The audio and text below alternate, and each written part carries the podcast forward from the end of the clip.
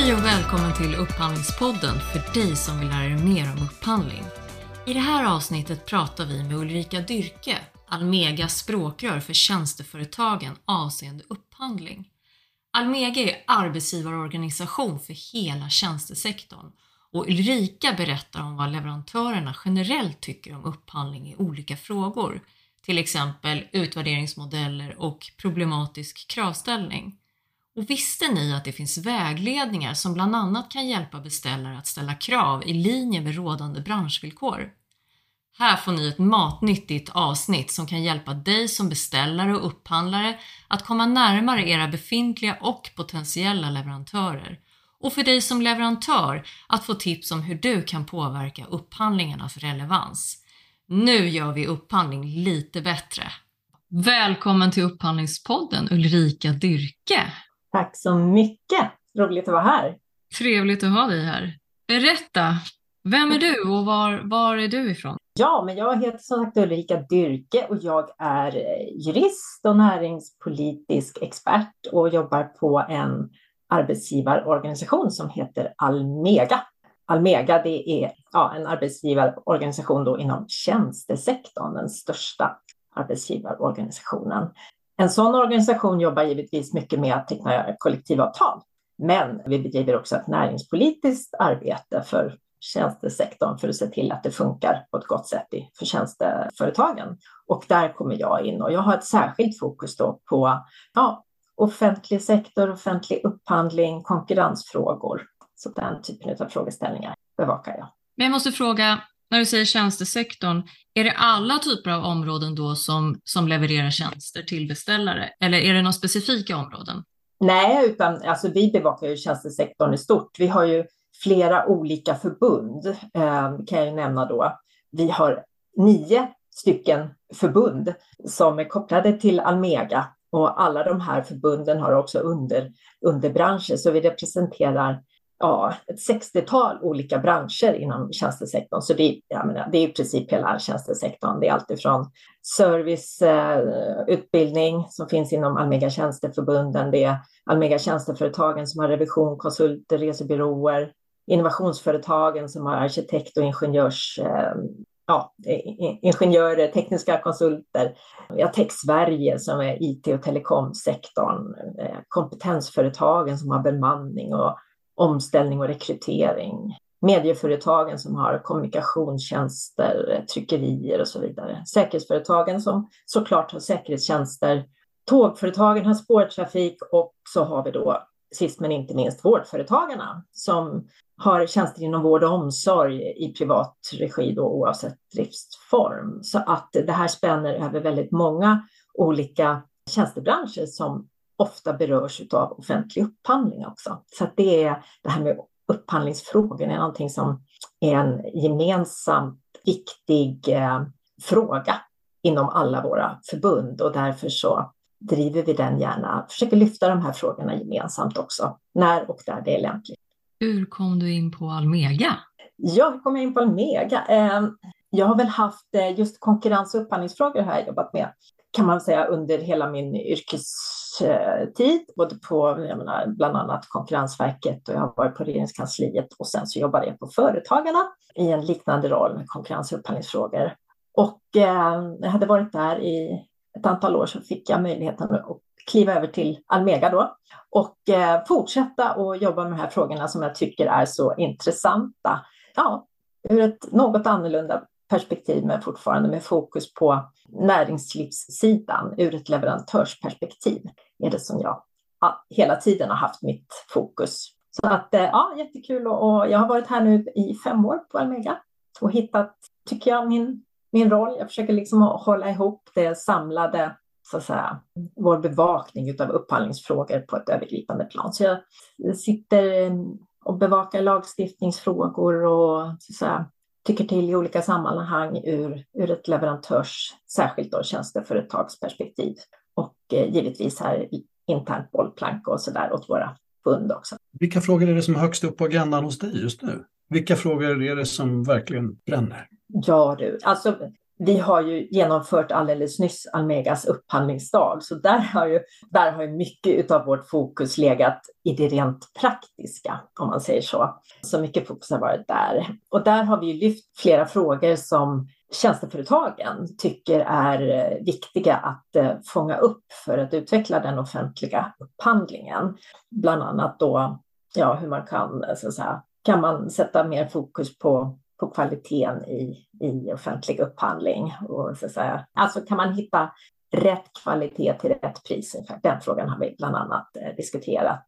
Vi har också lyft frågan om uppföljning, att det är viktigt för att säkra bra offentliga inköp. Och vi har spanat framåt kring framtidens tjänsteupphandling och pratat om hållbarhetsfrågor och så vidare. Så, att, eh, ja. så vi kommer att fortsätta och, och lyfta de här frågorna i, i lämpliga sammanhang och med fokus också på att få igång en dialog inför upphandlingarna för att det är någonting som företagen gärna vill se ännu mer utav för att landa i bra och genomtänkta upphandlingar och vettigt kravställande. Det här med rätt kvalitet till rätt pris, det är en viktig fråga som jag också brinner för. Eh, mm. Och det kan ju säkert se olika ut, alltså svaret på den kan ju säkert se olika ut utifrån vilket tjänsteområde man pratar om. Mm. Men finns det något övergripande sätt att tänka på, tycker du, och som du ser där ute, som leder till rätt kvalitet till rätt pris? Jag tror att man måste vara hela tiden, alltså försöka sätta sig in i branschens förutsättningar. Det är nog en, en, en viktig eh, utgångspunkt så att man förstår om det finns utmaningar inom branschen med, med inte vet jag, stark prispress eller vad det kan vara. Vi kan ju se i vår eh, undersökning att ja, dels kan vi ju se, vi har gjort en enkätundersökning bland, bland våra medlemmar, ungefär 1500 svarande företag och där är ju att det är för stort prisfokus i upphandlingar. Det är liksom den viktigaste orsaken till att företag säger att de inte deltar eh, överhuvudtaget i offentlig upphandling.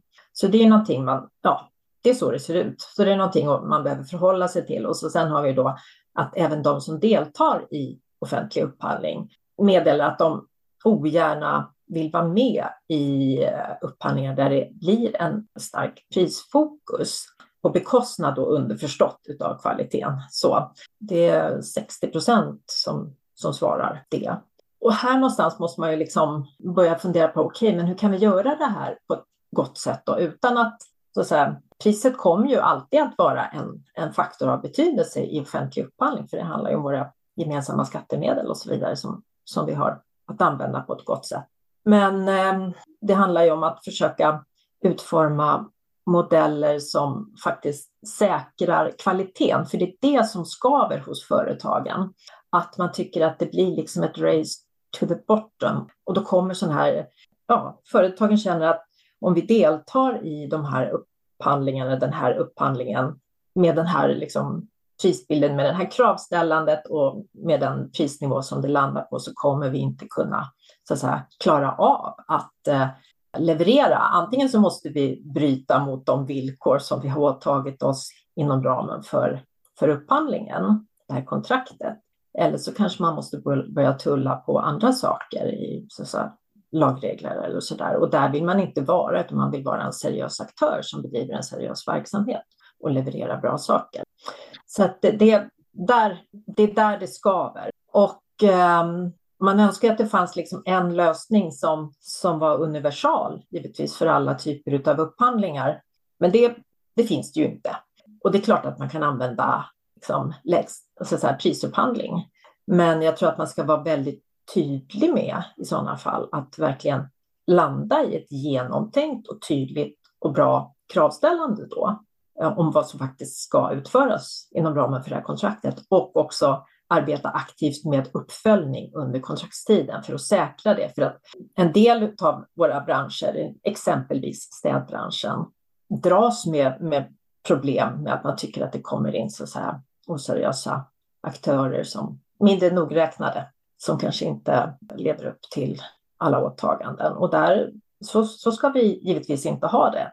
Utan går man in i offentlig upphandling så ska man gå in med ambitionen att man ska utföra det som är avtalat på ett gott sätt, givetvis. Så att eh, tydligt kravställande och eh, uppföljning är alltid viktigt, men kanske särskilt när det blir stark prispress. Det är ju inte möjligt längre att eh, använda golvpriser som, som ju användes en del tidigare för att, så att säga, lägga en miniminivå.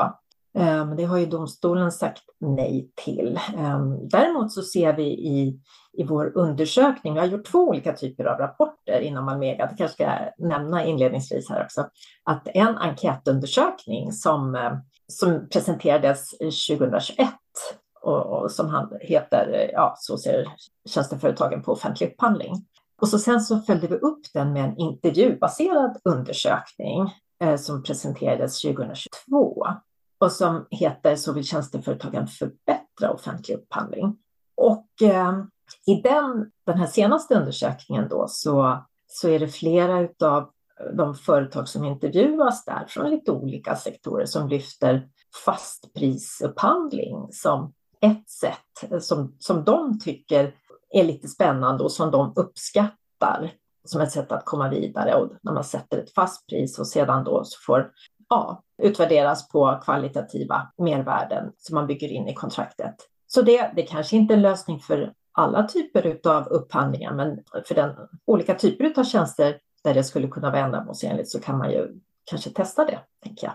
Och vi, jag har rätt goda erfarenheter av det för att man, alltså, mm. svårigheten blir ju att, att eh, man måste ju då förstås acceptera det priset som en beställare som inte mm. verkar på marknaden har satt eh, för, att, för att ställa upp på de villkoren. Men, men det är intressant när vi pratar om det som, som termer av prisfokus. För även om man har en modell där priset utgör en aldrig så liten, liten del av det, så är det ändå så att den osäkerheten som en konkurrenssituation innebär gör att det tenderar till att driva priserna neråt, precis som du säger, mot botten, mm. även om de inte ska värderas på totalen så mycket. Så att mm. fastprisidén är, om man har en uppfattning om vad förutsättningarna är och vad, för, vad, vad riskerna kan rymmas, så tycker jag att det kan vara riktigt, riktigt bra. Och det går ju att tillämpa i flera områden också. Mm. Vi, vi gör det mer och mer på konsultsidan där man ju ofta har en ganska enkel liksom, timprismodell och konkurrera på timpriser är inte värdeskapande överhuvudtaget. För det handlar mm. inte om att leverera kompetens och det handlar inte om slutprodukten. Mm. Eh, så där tycker jag att det har fungerat ganska bra, att vi kan börja liksom, avtalsrelationen när det väl blir dags att leverera på, på en mycket mer balanserad nivå. Liksom. Man mm. behöver inte börja ja, i ett underläge. Liksom. Ja. ja, vad kul att du, du har sådana erfarenheter. Det är väldigt spännande att höra och jag kan ju bara bekräfta det du säger också om det här med timprisproblematiken, för det bekräftas också i, ja, eller i våra undersökningar. Det lägsta pris innebär inte alltid lägst kostnad så att säga. Och eh, det är många som vill eh, komma, komma bort från den modellen för att liksom säkra bra innehåll i, i leveransen. Så.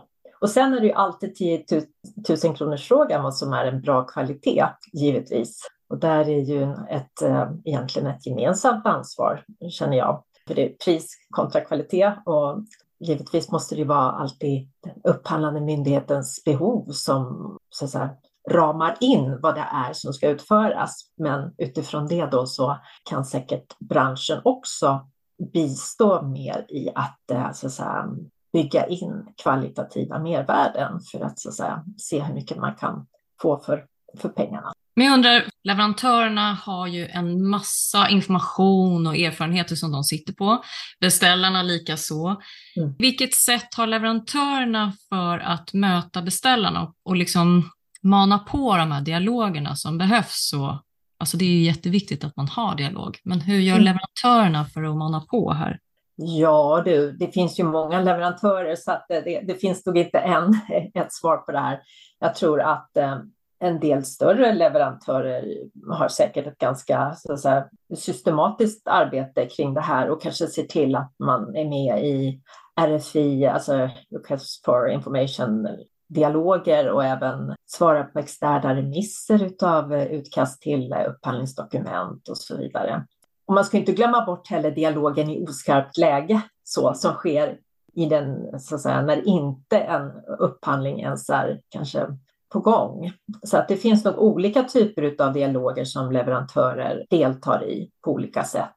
Men jag upplever att leverantörerna generellt sett önskar ännu mer av det här. Och här finns det ju, vår undersökning visar att faktiskt verkar ha blivit lite bättre med dialogen generellt sett, även om det fortfarande finns stora förbättringsmöjligheter fortfarande. Men den här dialogen inför upphandlingarna verkar ändå ha kommit lite mer på banan.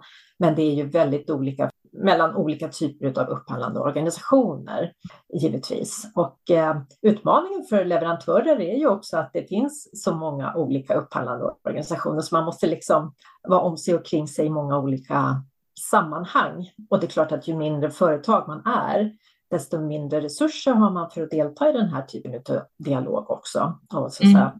och, och bidra i um, utformningen, eller så att säga, ge input, konstruktiv input i upphandlingarna. Och jag vet ju också att det är många upphandlande organisationer som sitter med eh, kort om resurser och av det skälet kanske inte hinner vara lika framtunga i sin upphandlingsprocess som man kanske skulle önska. Så att här eh, kan det nog vara ett ömsesidigt resursproblem kanske både från upphandlarhåll och leverantörshåll i, i många fall. Om inte annat så kan man ju se oss på Almega med förbund som kanaler, alltså ifall upphandlare vill nå ut eh, för att ha en, en dialog med marknaden så ja, kontakta gärna mig eller mina kollegor på våra förbund så kan vi så att säga, slussa vidare frågar, frågan och eh, kanske få fram leverantörer som kan bidra i en, i en dialog om ni har svårt att nå ut till marknaden.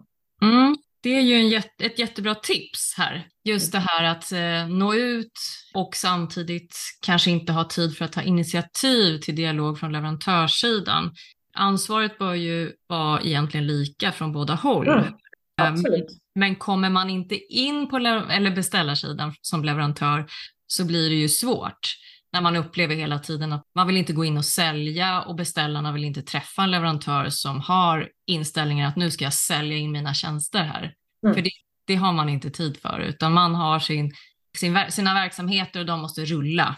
Mm. Och sen när det blir aktuellt med en upphandling, det är ju då det är relevant att förstå marknaden och då har man liksom inte tid att istället mm. fråga leverantörerna. Det är ett jättebra tips det du säger att leverantörerna kan ha er som språkrör, alltså beställarna kan fråga er och så når ni ut då till, till alla kan ju vara en jättebra grej. Och det kan ju kanske göras på ett enkelt sätt, att man ställer en enkel fråga och får ett enkelt svar tillbaks som som man lätt kan sammanställa? Ja, ja alltså jag, jag, jag tycker att eh, vi som organisation har ett ansvar att se hur långt vi kan nå i alla fall. Jag, jag kan inte lova att vi alltid kommer att ge, ge, feedback, men jag kan lova att vi alltid kan försöka nå ut till, till medlemmar. Hur många medlemmar har ni? 11 500 totalt sett. Det är många. Och det är som sagt i ett 60-tal branscher inom tjänstesektorn. Så det, och väldigt många berörs av offentlig upphandling som, ja, jag räknade ju upp det lite inledningsvis. Så att, eh, det är ganska upphandlingstungt bland mm. allmänhetens medlemmar. Mm. Mm. Du nämnde Ulrika, men du nämnde kort att ett eh, problem är att man som upphandlare kanske inte riktigt har koll på den bransch eller den produkt som man ska köpa mm. en tjänst. Att, att ibland så, så, så eh, går det direkt emot eh, villkor för att få tillstånd och driva en sån typ av, av tjänst och så. Mm. Kan man vända sig till något av förbunden hos er för att testa sina krav eller för att se om man är, är rätt ute eller vad som är styrande för ett sådant område? För man behöver ju lära sig, man behöver hitta någon lärkanal för det. Ja, jag förstår. Precis. Ja, sitter jag här och svarar för förbundens räkning, men det, men, eh, ja, men det tycker jag spontant att man borde kunna göra. Så, för det stämmer som du säger att i våra, särskilt då kanske den här senaste rapporten om hur tjänsteföretagen vill förbättra offentlig upphandling, så nämns eh, att man till och med trots genomförd dialog inför upphandlingarna har, har landat i utformning som som faktiskt inte fungerar för branschen. Och I det här fallet så handlar det om eh, omsorgssektorn och där man då hade ställt krav på gruppbostad för vuxna som maximalt fick ha sex personer och ändå upphandlar en del kommuner för sju brukare. Och det här går då alltså emot IVO, alltså Inspektionen för vård och omsorg, deras tillståndskrav. Och då är det jättesvårt för, för så här, företagen att vara med och, och lägga anbud. Det går inte. De kommer inte kunna få tillstånd för en sån verksamhet. Så att här måste man ha förståelse för branschens förutsättningar. Andra exempel som lyfts här är arkitekttjänster där man upplever att eh, kravställandet och de villkor som ställs inte alltid rimmar med de branschvillkor och de standardvillkor, som, eh, allmänna villkor som finns inom branschen. Och det här är en problematik som är väldigt svår att hantera då för enskilda företag om man ska delta i offentlig upphandling. Jag måste bryta mot något om jag ska gå med på det här och vad ska jag då bryta mot? Och det, det är ingen bra situation. Så att jag tänker att i sådana situationer så är ju, är ju våra förbund och till exempel Vårdföretagen är det första exemplet och innovationsföretagen i det andra exemplet känns ju som bra kontaktytor för avstämning. Mm. Ja, och man har svårt att nå ut till, till branschen som sådan givetvis också. Och jag vet att en del företag lyfter ju det här givetvis också inom ramen för, för förberedande dialog, men det är inte alltid det räcker som sagt. Eh, och det visar ju då det här exemplet ifrån omsorgsupphandlingen där det ändå blev tyvärr fel. Då. Ja, precis. Sen tänker jag också så här hur man från gång till gång ska komma ihåg alla de här mm. ja. detaljerna och kraven ja, som ska matcha branschvillkor. Absolut, och det, ja, det är ju all respekt till upphandlare som, som sitter med ett eh, superviktigt jobb. För det handlar om att göra goda inköp för våra skattepengar och ta tillvara på marknadens potential och den konkurrenskraft och, och mm innovation som finns. Samtidigt som man ju, särskilt då kanske på en del kommuner, har man väldigt kort om resurser för att genomföra upphandlingar på många håll. Och det är klart man inte kan vara expert på alla branscher, alltifrån liksom snöröjning till eh, äldreboenden och IT-upphandling och jag menar, och då krävs ju givetvis den här dialogen med, med branschen, med företagen i branschen för att liksom landa i en genomtänkt kravställning, givetvis utifrån sina egna behov. Mm. Och där är ju också den interna dialogen, tänker jag, inom den egna organisationen superviktig så att inte verksamheten kommer fem i tolv och säger you fix this, det här, det här ska vi ha. Och man måste ju ha den här avstämningen inom verksamheten också. Okej, okay, vad har vi? Vad är det för behov vi står inför? Eh, vilka utmaningar har vi? Vad är det vi ska lösa? Och utifrån det och efter en dialog med marknaden också behöver man då landa i vad har vi för behov? Vad finns på marknaden? Okej, okay, när vi har fått den bilden, hur kan vi liksom kravställa det här på ett gott sätt och genomföra en god upphandling? Ja, dialogen behövs både internt och externt för att göra jobbet på ett gott sätt. Som sagt, för upphandlarna kan inte lämnas ensamma i, i, i det här. Jag måste fråga, öppna dialogforum då. Mm er upphandlingsdag när? Var det välbesökt? Ja, men det var, det var välbesökt och vi är nöjda med dagen. Vi eh, lyfte frågor som vi ville på ett konstruktivt sätt tyckte vi i alla fall då, med lite erfarenhetsutbyte och med exempel på hur, hur man har gjort och hur, eh, om det kan vara intressanta exempel att ta vidare, sprida goda exempel och eh, vrida och vända på, på frågorna och se ifall det går att, så att säga, använda i fler sammanhang. Och eh, tycker att det blev bra dialog och eh, ja, att man såg möjligheten som ändå finns att göra bra offentliga affärer inom tjänstesektorn, definitivt. Mm. Det som visar sig också det är ju att det inte bara handlar om upphandlingen utan det handlar också om uppföljningen så, för att det verkligen ska bli bra affärer och inte bara ställa krav utan också säkra att man får det man har begärt, alltså beställt och betalat för. Så att det är liksom hela affären som vi lyfter där. Och det är någonting som också är väldigt viktigt, vet vi, att de många seriösa företagen på, på marknaden vill se mer av den typen av aktiv uppföljning också under kontraktstiden. Så det lyfter vi också exempel på. Jag tänker det att en avtalsrelation är ju så mycket mer än att man bara ska göra sin sak som står ja. i avtalet, utan det handlar ju så mycket om en kommunikation och i det ligger ju dialogen. Att mm. uppföljning kan ju vara så enkelt som man har en kontinuerlig dialog hela tiden. Mm. Där man pratar med varandra och löser problemen utifrån mm. det som är just nu. Och eh, sen behöver man ju kanske också ha en del så här tydliga uppföljningsdelar som görs enligt en viss struktur och en viss systematik och sådär. Mm. Just den här dialogen, att ha den som en självklar del i uppföljningen, den kan jag, alltså att det, blir, att det är självklart, det kan jag sakna lite ibland. Ja, absolut, och vi har ju just i fråga om uppföljning så har vi ju också ställt eh, i vår, vår undersökning har vi ställt frågor om, om det också. Och där kan vi ju konstatera att det verkar skilja sig ganska mycket mellan olika eh, upphandlande organisationer, hur mycket, mm. hur mycket uppföljning som sker. Mm. Generellt kan man väl säga att det här är ett eftersatt område. Men, och vissa branscher verkar också ske mer uppföljning än inom andra branscher. Till exempel vård och omsorg verkar vara en sektor där det sker mer uppföljning än inom mm. andra tjänste, delar av tjänstesektorn. Men det är ju ett generellt problem och det ju, handlar ju säkert mycket om en organisationsfråga och också resursfråga från så att säga, beställarsidan. Och en annan fråga i den här enkätundersökningen som vi hade, den, den um, rörde om, okej, okay, om det nu är så att ni i de kontrakt som ni har vunnit och där uppföljning har skett, tycker ni att det ändå tycker ni att det har varit uppföljning som har så att säga, haft fokus på på kvaliteten i leveransen.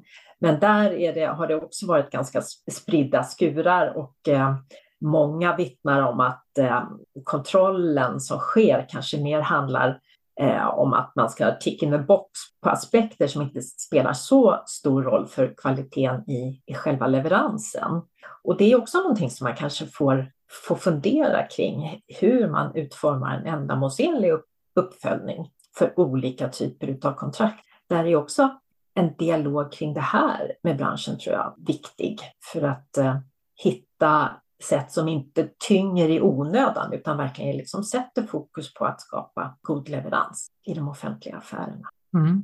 Och, det, men, och, så, och här vill jag säga att här ska inte, det kom ju fram, var det någonting, ja, vi, hade, vi arrangerade ju Almegas upphandlingsdag inom ramen för Mötesplats offentliga affärer det, det här året och eh, där deltog jag i någon panelsamtal och där var vi alla i panelen rörande eniga om att just eh, beställarorganisationerna måste utvecklas och kanske framför allt, ja, dels för att hinna ha den här för, förberedande dialogen, men inte minst då också för att eh, skapa en bättre eh, organisation och mer ändamålsenlig organisation för att kunna utföra den viktiga dialogen och eh, så att säga, uppföljningen under kontraktstiden för att säkra bra offentliga affärer och för att det är viktigt för den offentliga verksamheten givetvis, för annars vet man inte om, om de krav på till exempel miljöhänsyn eller olika andra typer av kvalitetskrav och så vidare faktiskt efterlevs. Då blir det mm. liksom bara ett, uh,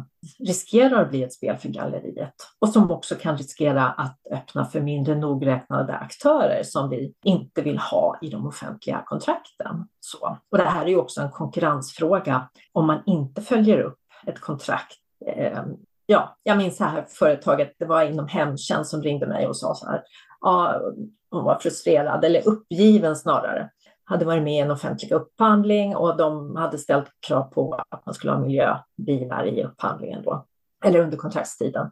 Och hon förlorade och eh, så sa hon, så nu, det var ett år sedan, va? och nu åker ju den här vinnande eh, leverantören runt i stan där, men de har ju inga miljöbilar och det är ingen som bryr sig om det.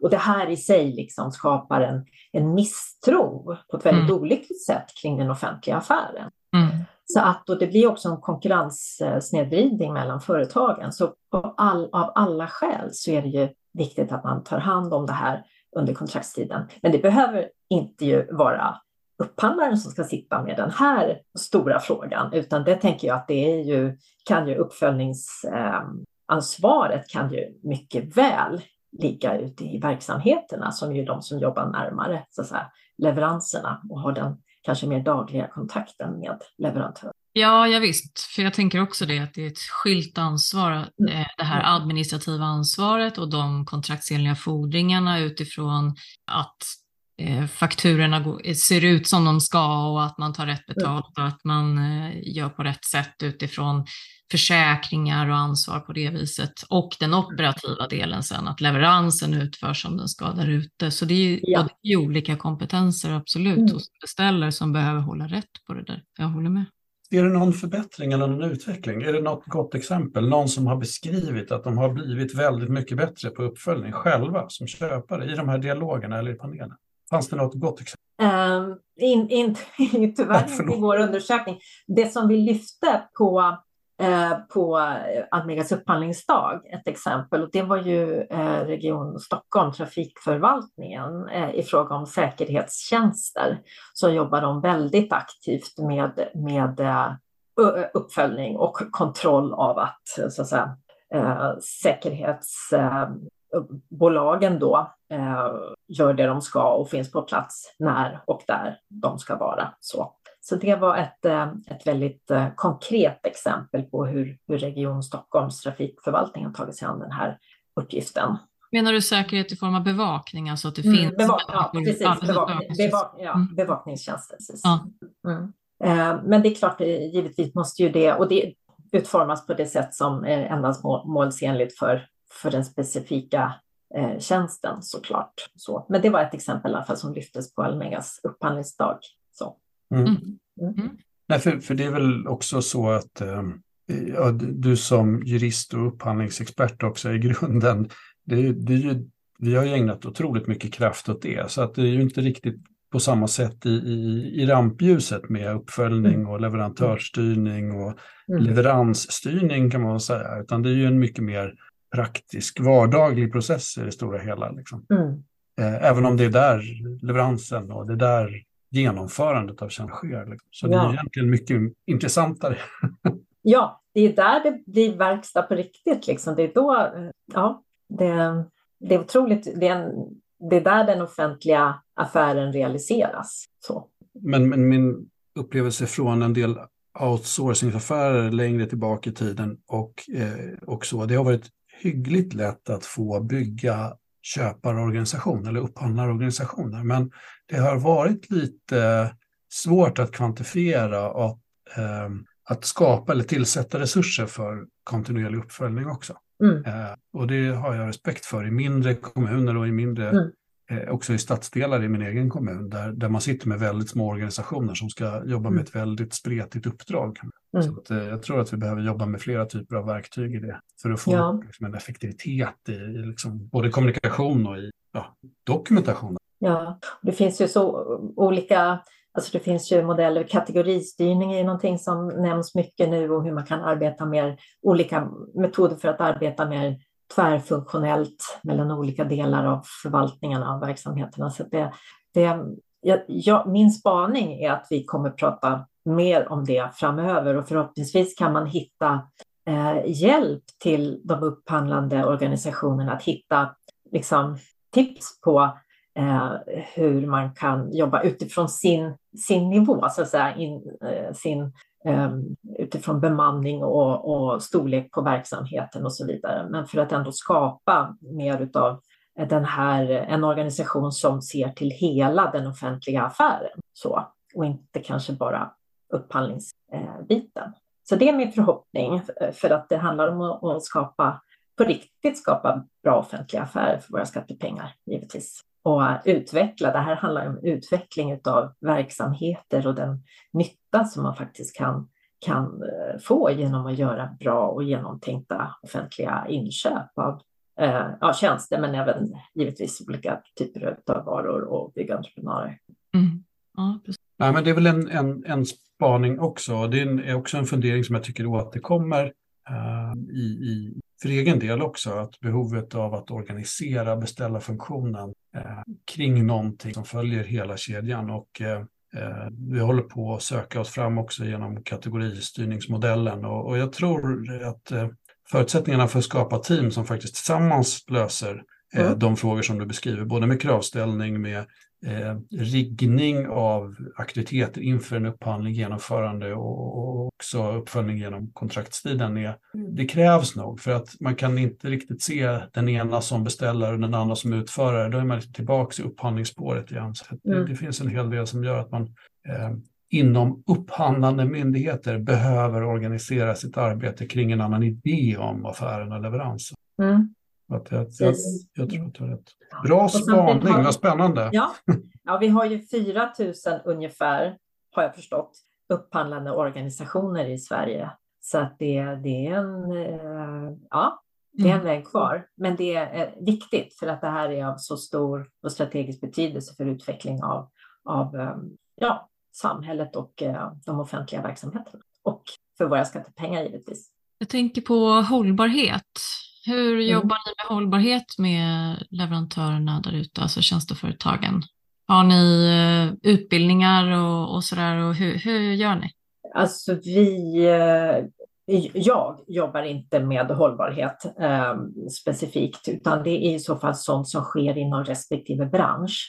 Så så branschförbunden, mm. jag vet att till exempel Tech Sverige har ett hållbarhetsråd där man mm. diskuterar hållbarhetsfrågor och så där. Men det sker på, på, på bransch och förbundsnivå då utifrån deras förutsättningar och, och så vidare. Mm. Um, sen så, har vi, så kan man ju applicera hållbarhetsfrågor på offentlig upphandling givetvis och då är väl, ja, så det, det försöker vi liksom adressera, men då blir det lite mer på ett övergripande plan. Så. Och där kan vi konstatera att utvecklingen går ju mot mer, allt mer fokus på hållbarhetsaspekter eh, mm. kring de offentliga upphandlingarna av olika skäl. Så att säga. Miljöhänsyn har vi diskuterat, eh, har ju funnits med ganska länge får man säga. Mm, ja, precis. Eh, ja, precis. Och nu är det olika sociala dimensioner som vävs in allt mer och även klimat så att, eh, och det är ju någonting som går att ställa inom ramen för så att säga, det upphandlade kontraktet. Det viktiga är ju att liksom koppla det till kontraktsföremålet så att det uppfattas som relevant eh, kravställande utav de företag som så att säga, ska delta i upphandlingen och, och känna att det är, är hanterbart så att säga. Och inte minst inom det här området så är det tror jag oerhört viktigt att ha en dialog med marknaden. För just nu i hållbarhetsfrågor så rör det sig snabbt på inom eh, de olika sektorerna. Techsektorn, ehm, de har mycket fokus på det här, eh, bland annat då. Ehm, och här gäller det väl att man på något sätt eh, från offentlig sektors sida då kan utforma upphandlingar som på något sätt kan fånga upp den här utvecklingen så att man inte utformar upphandlingarna på ett sätt som man ska möta morgondagens utmaningar med gårdagens kravställande så att säga. Så man ähm, ja, har en mer ähm, en, en kravställande som bejakar innovationen.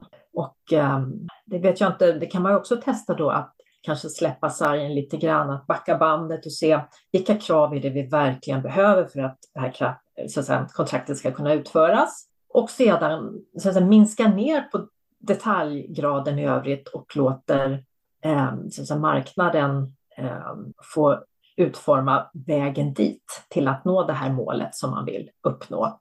Mm. Då kan man eh, bejaka förmodligen mer av hållbarhetsaspekter och även innovativa drivkrafter som finns inom, på många håll inom tjänstesektorn. Så det är väl ett, ett medskick som som jag skulle vilja sända i det avseendet. Så, och ha den här dialogen med marknaden så att man, liksom, så man får, fångar upp vad som finns och man får marknaden med sig i, de, i den här typen av upphandlingar. Ja, någonting som har återkommit här lite sista tiden i lite olika samtal vi har haft är också behovet av det du nämner, det vill säga eh, gårdagens krav för morgondagens mm. behov egentligen. Och det är behovet av att kunna inom kontraktet som ju i ett, ett, normalt ramavtal kanske löper över fyra år. Eh, tiden går fort med pandemier och krig och klimatkatastrofer. Eh, upp till längre tider för andra typer av, av tunga kontrakt förstås. Eh, och behovet av att kunna skruva på det och kunna kanske skruva upp nivån eller prioritera om områden som skulle vara viktiga för att få fram vettiga leveranser och där man behöver göra det tillsammans i en sån leverans och inte skapa för eh, statiska kontrakt. Mm. Mm. Så jag Precis. tror att det är där. Mm, och, det kan, och det kan ju vara en erfarenhet kanske från pandemi och annat då om man upplevde att man satt fast i, i kontrakt som inte möj, möjliggjorde den typen av säga, utveckling eller vad man ska säga. Mm. Så, så, så, kan det ju vara klokt att säga, skala ner lite grann och minska detaljstyrningen för det riskerar att låsa, låsa fast eh, kontrakten och därmed också utvecklingen. Mm. Och eh, minskad detaljstyrning är någonting som många företag, även kanske om man tänker på många små företag också, alltså, eller minskad, minskad kravställan, fokusera på det som verkligen är viktigt på riktigt. Och mm. eh, ställ givetvis de kraven eh, och se till att följa upp dem. Det är liksom så enkelt men så svårt. ja. ja. Men det är någonting som, som jag tror alla företag kan ställa sig bakom, både stora och små. Mm. Och framförallt, och det vet jag inte om jag sa, men just också förklara för det tycker jag framkom i den här rapporten med intervjubaserade rapporten, att det, man uppfattar att det, det finns en otydlighet ofta i upphandlingen om vad är det egentligen som man vill ha utfört? Vad är det som ska utföras? Vilka behov har man egentligen? Och vad är deras målbild? Så att man behöver bli lite bättre på att definiera det. För när leverantörerna väl har, har klart för sig vart upphandlande organisationer vill komma så kan de förstå, de kan räkna på vad är det för kompetens vi behöver sätta in för att klara av ett sånt här kontrakt. Man kan räkna på resurser och, och utforma ett bra anbud utifrån det. Så det skulle jag verkligen vilja skicka med att eh, det är oerhört viktigt i alla upphandlingar säkert, men kanske specifikt tjänsteupphandlingar, vad vet jag, där det handlar mycket om att sätta in personer, rätt typ av kompetens för att klara av och leverera på ett bra sätt. Ja, jag tänker det också för själva upphandlingen, för att ställa kraven och sådär. Mm. Behöver man organisera sig rätt för att kunna upphandla rätt? Mm. Det är jätteviktigt, jag håller med. Men för du nämnde den här rapporten, så vill tjänsteföretagen förbättra offentlig upphandling. Finns det mer i den som är matnyttigt? Vad, vad, hur vill man förbättra på fler sätt? Har du fler exempel? Ja, men en grej som jag noterade där också, det är att man istället för, man nämnde referenskrav som kan bli ibland väldigt tillbakablickande och eh, ibland eh, medföra kanske onödiga eller ganska inlåsningar eller begränsa konkurrensen på så sätt att det är inte alla som kanske har den, just den typen av referenser som man kräver för mm. att komma i fråga i upphandlingen, men som ändå kanske skulle kunna utföra kontrakten på ett gott sätt.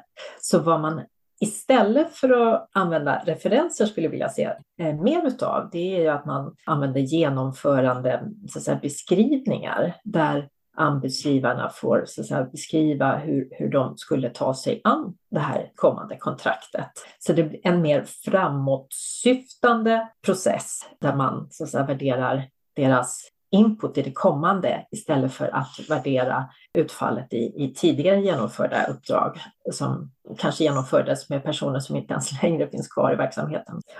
Så, så det är någonting som, som kom fram i, i den eh, rapporten. Det där tycker jag är jätteintressant att du säger, för jag jobbar ju väldigt mycket med genomförandebeskrivningar, i mm. synnerhet mm. eftersom jag är på fastighetssidan och det är fastighetsrelaterade tjänster som ska levereras och då är det fantastiskt att kunna få in från leverantörerna, men hur ser mm. rutiner och processer ut för att eh, genomföra de här delarna i den här typen av uppdrag som vi mm. efterfrågar. Man måste ju vara konkret också med vad i de här genomförandebeskrivningarna det är som vi kommer att utvärdera. Ja, absolut. Självklart. Nej, lika behandling och tydlighet på det sättet, definitivt. Så ja, visst. Mm. Så, att man, så att de förstår vad är det, så att vi inte ska skriva om hela världen. Mm. allting. Liksom. Men det jag kan uppleva som en svårighet ibland är att väldigt duktiga leverantörer som är fantastiska på att leverera i det operativa kanske inte har den administrativa förmågan mm. att beskriva sina tjänster på ett bra sätt. Mm. Vilket gör att de hamnar lite snett när det kommer till alltså kvaliteten på anbudet. Mm. Har du något tips till oss upphandlare där hur vi kan göra för att hjälpa anbudsgivarna att kunna ja, lämna bra genomförande beskrivningar? Finns det någonting som leverantörerna Oj. själva säger om det?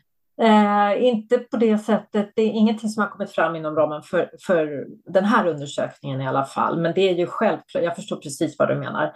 Man kan vara jätteduktig på det, det praktiska operativet, man kanske inte är lika duktig på att utforma anbud. En variant är att också använda alltså intervjuer, skulle jag nu tänka spontant, men jag menar där man kan få känna på varandra, jag på säga, nej men eh, eh prata om man har svårt i det skriftliga så kan man ju faktiskt använda intervjumoment också, som också givetvis måste sammanställas och, på ett likabehandlande sätt och så vidare. Men, men det kanske kan vara en, en modell, tänker mm. jag, för att öppna upp för alla att komma till tals. Generellt så upplever jag att eh, företagen gillar att få berätta om sin verksamhet och liksom att man tycker att okej, okay, vi, fick, vi fick vara där, vi fick beskriva hur vi skulle ta oss an det här eller, och, och hur vi jobbar och så vidare. Och eh, det finns, kan ju finnas en oro för att man kommer att vara missnöjd och börja överklaga den typen av upphandlingar. Men eh, jag skulle säga att det är ganska många företag ändå som, som tycker att det blir fair play, att vi var där och presenterade vårt och det vi kan och så vidare. Och eh, okej, okay, var det en annan som vann, ja, då, då må det ju vara så, men då var den, den anbudsgivaren kanske ändå bättre i just den här specifika upphandlingen. Så att jag tror inte man ska vara rädd för, för genomförande beskrivningar och även intervjumoment, eh, förutsatt att man verkligen har liksom ramat in det här på ett gott sätt så att det uppfattas som eh, lika behandlande. Mm, du är inne på mm. någonting viktigt där tycker jag, att, och jag upplever det som en eh, framgångsfaktor, att man dels har en skriftlig del om man ska beskriva skriftligt, men sen får man också komma och presentera det man har mm. skrivit. Mm. Och man kan ju aldrig läka hål som inte finns i anbud. Nej, så är det. Däremot så kan du ju måla ut och beskriva bättre det som du har beskrivit i skrift som du kanske mm. inte har den administrativa förmågan att konkretisera. Medan du på plats kan, kan förklara och få följdfrågor på hur precis. tanken är. Förtydliga så, ja. Precis, precis. Det gillar jag, det är ju jättebra. Ibland har man inte tid med det, så ibland blir det bara av genomförandebeskrivningen och bara kräver in den skriftliga delen och då är det lite svårare. Har, har ni sett några bra exempel på dialogförfaranden eller förhandlingsförfaranden där formuleringarna växer fram i själva upphandlingsprocessen? För jag tänker att det borde lämpa sig om man pratar om en genomförandebeskrivning, ett bästa sätt att göra en tjänsteleverans eller sådär. Det borde ju kunna hanteras inom ramen för en konkurrenspräglad dialog eller alltså det, det bästa möjliga också behålla konkurrensen i själva processen. Är det, är det vanligt eller ovanligt? Jag, jag, tror att det är ganska ovanligt mm. faktiskt. Men, men jag vet att det, det, skulle säkert kunna uppskattas. En av de exempel som lyftes vid Almegas upphandlingsdag inom hållbarhetsområdet eh, rörde en upphandling i Knivsta. Knivsta-modellen finns den också eh, benämnd som på upphandlings, den finns på Upphandlingsmyndighetens hemsida och den, den rymde ett stort mått av dialog kring där man som jag förstod utformade liksom hållbarhetsaspekter lite under resans gång i dialog med, med eh, alla möjliga parter, även beställare, organisationer och så vidare satt med där. För mer detaljer kring den, då får ni eh, vänligen vända er till de som var med där. Men det, det finns nog, men eh, jag tror att det skulle kunna lyftas fler exempel. Och för, för det, här finns det verkligen en, en potential. Jag vet att Upphandlingsmyndigheten har ju tagit fram vägledning om, om dialogen för upphandling och det finns ju RFI och det finns extern remiss och så vidare. Men det vore ju toppen, tycker jag, om man kunde se om det finns ännu fler exempel på hur man kan genomföra en dialog med beaktande av alla de här principerna givetvis om, om lika behandling och transparens och så där. Så inom lagens råmärken och med fokus på att säkra en leverans som möter de behov som den upphandlande myndigheten har. Så, och hur man kan genomföra det här på, på olika sätt. Mm. Det skulle jag tycka vore väldigt värdefullt och jag tror att det skulle gynna både upphandlande organisationer och och marknad. Så, så att, ja, jag har tänkt att Upphandlingsmyndigheten kanske skulle kunna liksom fånga upp eh, de lite olika exempel som görs för att vi behöver kanske en plattform. Det kanske finns andra aktörer som kan göra det också. Vad vet jag? Jag menar Adda eller SKR. Men, men Upphandlingsmyndigheten är ju vår centrala centrala myndighet för att ge vägledning inom upphandlingsområdet. Så att det är väl en lämplig plattform. Jag tänker också att man kanske inte ska vara så rädd för att eh, under själva avtalsperioden använda delar av eh, avtalet som en, eller, eller utforma delar av avtalet som en samverkan så att inte hela, hela förfrågan är en samverkansförfrågan utan att man i delar av det som ska levereras, att man samverkar fram mellan beställare och leverantör under avtalstidens gång. Det tror jag att man ska öppna upp för mm. mycket, mycket mera, för, så man inte låser in sig i att exakt det här är det vi ska köpa. För sen kanske det inte ser ut så. Alltså marknaden har utvecklats och framtiden ser inte ut imorgon som den gjorde idag mm. eller igår. Jag tror också att det är en väg framåt, så att man jobbar fram nya metoder och modeller inom ramen för ett visst område. Så man kanske kan bygga in incitament i avtalet Precis, för den ja. typen av utveckling. Absolut. Man har tagit så att säga, vidare steg mm. Eh, för att utveckla tjänsten som man levererar. Så, ja. ja så, så det är jättespännande, även om jag önskar att jag hade bra exempel på det att nämna här, men det har jag inte på rak arm. Men eh, ja, mer sånt tror jag kan skapa intressanta offentliga affärer. Det tror jag också och jag tror att det är viktigt att man vågar göra det. För ibland så ser jag en rädsla för det här att man, eh, att man fastnar på ordet samverkan och att man är rädd för att men då är det här en speciell modell som vi måste göra på ett annat sätt. Men att man istället då eh, försöker, försöker tänka att ja, men vi vill öppna upp för en utveckling och en dialog genom avtalets gång för att utveckla den här, det här området inom den här leveransen. Mm. Ja, det blir kan... som ett partnerskap liksom. Ja, men precis. För de kan oss som beställare och vi känner varandra och de kan våra fastigheter till exempel eller våra verksamheter och sådär. Eh, och det tror jag är en fantastisk, mm. ett fantastiskt sätt att utveckla tillsammans. Mm. Vi brukar avsluta med sådär, nu har det varit fullt av tips såklart, eh, med några tips till en upphandlare och till en leverantör. Har du några i fickan? Alltså, ja, eh, till, upp, eh, till upphandlande organisationer då. Ja, nej men det är väl det här med dialogen inför, inför upphandlingen med marknad, marknadsdialogen. Den är A och O för att skapa bra offentliga affärer i fråga om kravställande, i fråga om behovsanalys och marknadsanalys.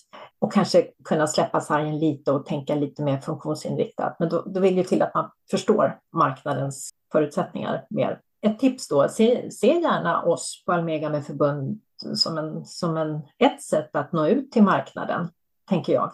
Vi har ju som sagt olika typer av branscher inom våra väggar så att eh, ja, finns tillgänglig och vi har kontaktpersoner på de olika förbunden som jobbar med offentlig upphandling också. Så att eh, kan gärna slussa vidare och för att se om vi kan bidra på något sätt i marknadsdialogen. Jag vill också tipsa om, om våra rapporter då som jag har nämnt här lite grann, lite övergripande i alla fall. För de, vi har ju då en enkätundersökning från 2021 och en intervjubaserad eh, rapport från 2022. Och de kan ge lite mer eh, en bild av hur tjänsteföretagen upplever situationen i fråga om offentlig upphandling ur, ur olika aspekter. Och eh, särskilt den här för, förbättringsrapporten om hur företagen vill, skulle vilja förbättra offentlig upphandling kanske kan ge lite inspiration kring att testa nya modeller eller ja, vad man bör tänka på i alla fall. Då. Så det vill jag slå ett slag för. Och vi har ju också en del, några av våra förbund har också tagit fram upphandlingsguider eller vägledningar om vad man kan behöva så att säga, tänka på när man gör upphandling i fråga om olika typer av tjänster. Vi har till exempel en färsk eh, sån upphandlingsguide från serviceföretagen i fråga om städtjänster. Och det finns också från eh, innovationsföretagen vet jag och det finns inom omsorgssektorn.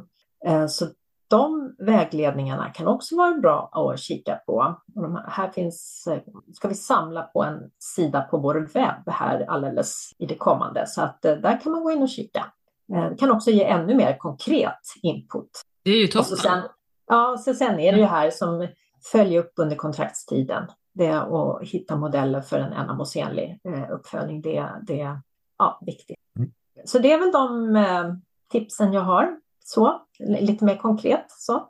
Eh, och leverantörer sa du också då, ja, eh, vad ska man säga till företagen? Jag kommer inte liksom tips till enskilda företag, det, det gör jag inte, men generellt måste man tänka på som leverantör att man, det är man själv som är expert på, på branschen och förutsättningarna. Så att jag tycker att man som leverantör bör försöka delta i dialogen med upphandlande organisationer inför upphandlingar för att skapa så bra förutsättningar som möjligt för att genomföra bra upphandlingar som leder till bra offentliga affärer. Det krävs liksom en, att marknaden är med i den här dialogen för att upphandlande organisationer ska kunna få en bild av marknadens förutsättningar eller branschens förutsättningar och landa i genomtänkt kravställande.